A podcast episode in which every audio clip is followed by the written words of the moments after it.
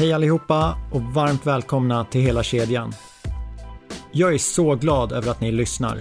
Fler och fler lyssnare för varje vecka och jag vill verkligen passa på att rikta ett stort tack till er alla. Hela kedjan är en podd där jag, Nima Sadi, varje vecka bjuder in nya gäster till samtal om samhällsbyggnad. Om ni vill komma i kontakt med mig så hittar ni mina kontaktuppgifter på hela-kedjan.se. Tack till alla som redan har skickat in kommentarer, feedback och tips på gäster. Jag uppskattar det verkligen. Följ gärna hela kedjan på sociala medier. Spana in videoklipp, bakom kulisserna material och var med och påverka frågor till kommande gäster. Ni hittar länkar till våra sociala medier både på hemsidan och i avsnittsbeskrivningen. Sådär, det är dags. Låt oss börja med veckans avsnitt. Det är svårt att missa alla rubriker som säger att Sverige är mitt i en bostadskris. Jag är verkligen ingen bostadspolitisk expert, men när jag försöker sätta mig in i debatten så ser jag att det finns olika läger som dels har lite olika bild av nuläget, men såklart även olika tankar om lösningar. En sak har de flesta läger ändå gemensamt och det är att det pekas på bostadsministern. Det är han som ska fixa det här. Men är det så? Vad står det egentligen i hans uppdragsbeskrivning? Och vad har han för verktyg till sin hjälp? Vilka åtgärder har han valt att prioritera och går det att se någon effekt av valda insatser? Min nästa gäst har erfarenhet från såväl kommunalpolitik, riksdag och regering. Sedan den 21 januari 2019 är han Sveriges bostadsminister. Låt mig presentera Per Bolund.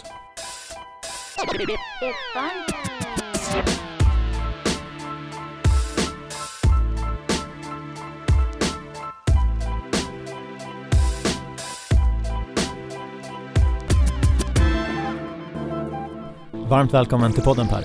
Tack så jättemycket. Jag satt uppe igår kväll, jag var lite nervös inför det här avsnittet, så då, då googlade jag på ditt namn.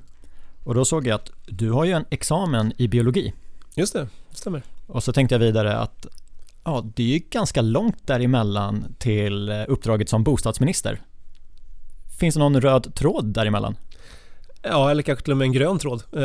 Ja. Jag skulle säga att det visar väl på att miljöfrågorna har blivit en central del av alla politikområden. Och jag har ju såklart en väldigt stark bas i, i miljöfrågorna som biolog. Men det har jag med mig nu i mitt arbete som bostadsminister och som vägleder mig. Och det gör ju att vi, min övertygelse är att vi kan använda den kunskapen vi har till att bygga miljövänliga och klimatsmarta samhällen och bostäder när jag läste vidare i den här artikeln som jag hittade, då hittade jag att du har varit forskningsassistent i ett projekt om hållbar stadsutveckling. Vad kollade ni på? Ja, men det var ett ganska brett eh, projekt med många olika kompetenser men jag tittade mycket på just eh, naturens roll i staden och hur naturen kan bidra till att vi får attraktiva, värdefulla, bra stadsmiljöer. Som till exempel eh, naturen rensar luften, eh, infiltrerar vattnet så vi slipper få översvämningar, dämpar buller, eh, helt enkelt skapar trivsamma stadsmiljöer. Eh, och det där tycker jag är, det är en potential som vi inte har använt tillräckligt. Om vi ska gå in på bostadsspåret så undrar jag lite, kan inte du berätta om din första egna bostad? Ja men det var en, eh, en eh, liten eh, etta i Vasastan inne på gården mot en steril asfaltsgård. Så att inte så mycket ekosystemtjänster där. Men jag var ju såklart otroligt glad över att ha ändå fått första egna bostaden. Det betydde mycket för mig. Sen sammanföll det med 90-talskrisen så att det var ju med knapp nöd som jag överlevde ekonomiskt där med alla lånen och när statslåneräntan steg upp till 500 procent. Så att det var också en upplevelse av hur, hur osäker bostadsmarknaden kan vara. Du har i alla fall upplevt den tiden och har med det i bagaget. Ja, det är en värdefull erfarenhet och jag hoppas att ingen behöver hamna i den situationen igen i framtiden med eh, rädslan att behöva flytta eh, och ha kvar skulderna. Om vi fokuserar på rollen som bostadsminister. Hur skulle du beskriva, vad är ditt uppdrag? Jag bygger ju inga egna bostäder. Eh, det är ibland en del som tror att det är jag som står med spaden i handen.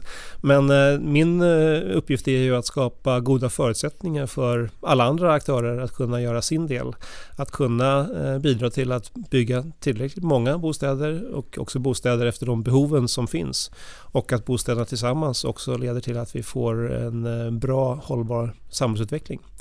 Eh, och där finns det ju ganska många olika åtgärder som jag kan eh, hjälpa till med. Ja, vilka, vilka är de? Vilka verktyg har du i verktygslådan? Ja, men det är ju allt från eh, lagstiftning där vi kan ställa krav eh, och reglera. Eh, vi har ju våra myndigheter som ju jag styr, till exempel över Boverket och Lantmäteriet och de sätter ju upp sen sina till exempel byggregler och liknande och de kan vi också justera så att de är uppdaterade. Sen har vi ju hela budgeten med alla de pengar som vi kan använda. Skatterna som vi tar in påverkar ju också bostadsmarknaden och samhällsutvecklingen men också de stöd som vi har för att stimulera till, till hållbara, eh, hållbart bostadsbyggande och hållbara samhällsprojekt. Utöver eh, rollen som bostadsminister så är du även finansmarknadsminister. Hur kan de här två rollerna samverka?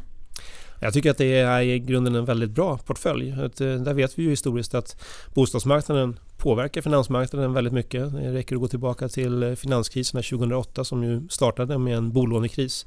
Eh, men eh, där också finansmarknadens funktionssätt påverkar hur och om vi kan bygga bra bostäder och samhällen.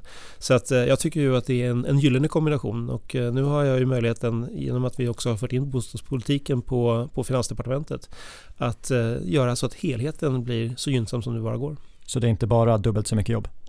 Nej, det är en del arbete kan jag avslöja, men eh, det är också kul arbete och eh, jag ser ju väldigt stora möjligheter att få en finansmarknad som stödjer ett, ett samhällsbyggande som fungerar bra och vice versa. Om vi tar den svenska bostadsmarknaden idag, vilken anser du vara den största utmaningen? Det är väl eh, dels att vi har byggt för lite under alldeles för lång tid och det är ju en, en skuld som vi nu sitter med och som gör att vi har en väldigt dålig matchning mellan tillgång på bostäder och efterfrågan på bostäder.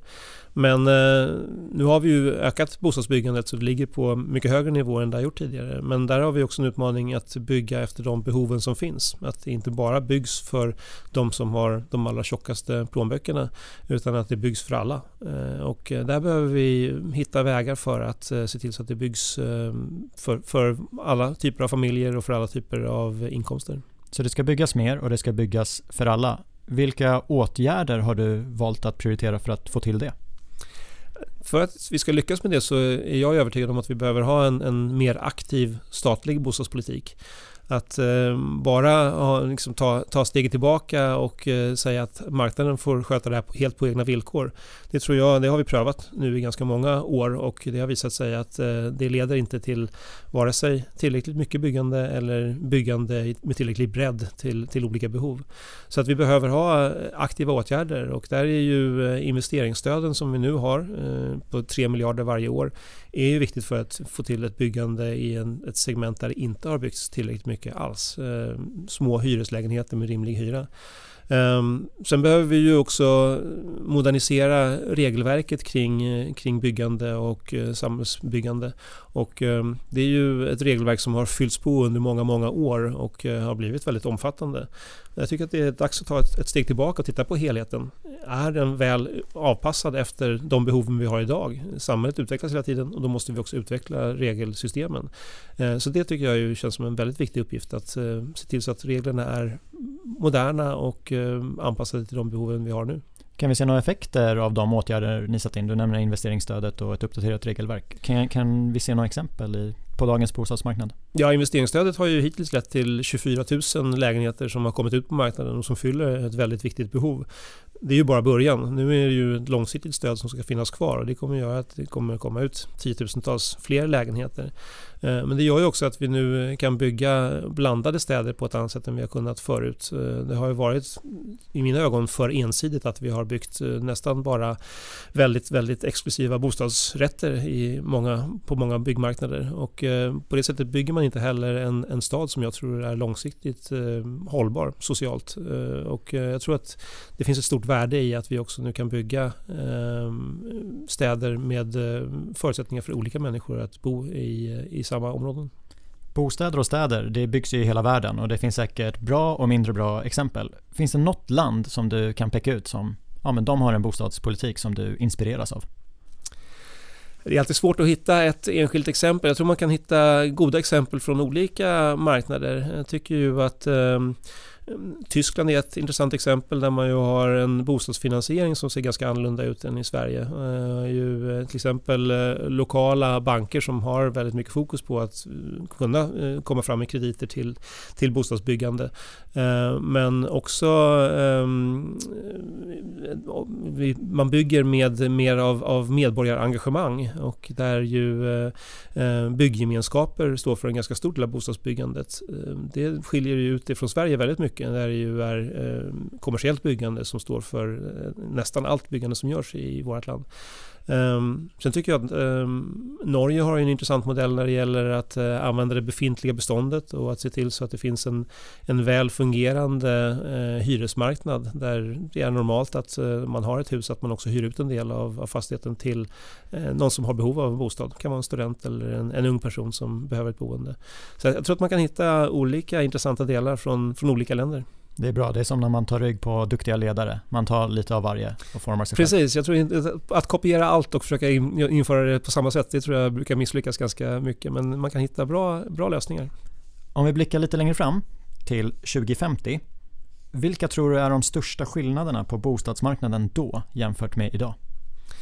Eh, framförallt eh, så är ju det som kommer att definiera hela samhällsutvecklingen och inte minst bostadsmarknaden är ju hållbarhetskraven som kommer att stiga ehm, kraftigt. Eh, det kommer att vara grundläggande att vi bygger både på ett sätt och bygger bostäder som, som är genuint hållbara och där vi minskar vårt fotavtryck på planeten. 2045 så ska vi ju ha noll nettoutsläpp i Sverige. Det har ju en, en, en närmast enig riksdag ställt sig bakom. Och eh, där måste ju också bygg och anläggningsbranschen eh, se att det är det som kommer och eh, anpassa sina eh, processer efter det. Så att eh, man kommer att förändra eh, hur vi bygger, vilka material vi använder, eh, hur transporterar vi eh, materialet, vilka anläggningsmaskiner använder vi, vilken miljöpåverkan har de. Framförallt också uppströms när man producerar allt byggmaterialet, att man hela tiden jobbar med att eh, minska miljö och klimatpåverkan i den processen. Så att det där kommer att förändra radikalt både hur vi bygger men också hela kedjan. Låter som en bra tid att eh, leva i och eh, en rolig resa att vara med om. Ja men det ska bli väldigt, väldigt spännande och eh, vi har verkligen bara sett början på det engagemanget. Så nu när miljoner människor är ute på gatorna och kräver en mer aktiv klimatpolitik så kommer det att ge ett starkt avtryck i eh, hur vi från politikens sida svarar på det. Det kommer att hända mycket framöver. Helhetstänk och jag är glad över att du nämnde hela kedjan i ja. podden som heter Hela kedjan. Precis, ja, ja. men det var väl välfunnet. tack för att du ställde upp på den här intervjun Per. Ja men tack själv.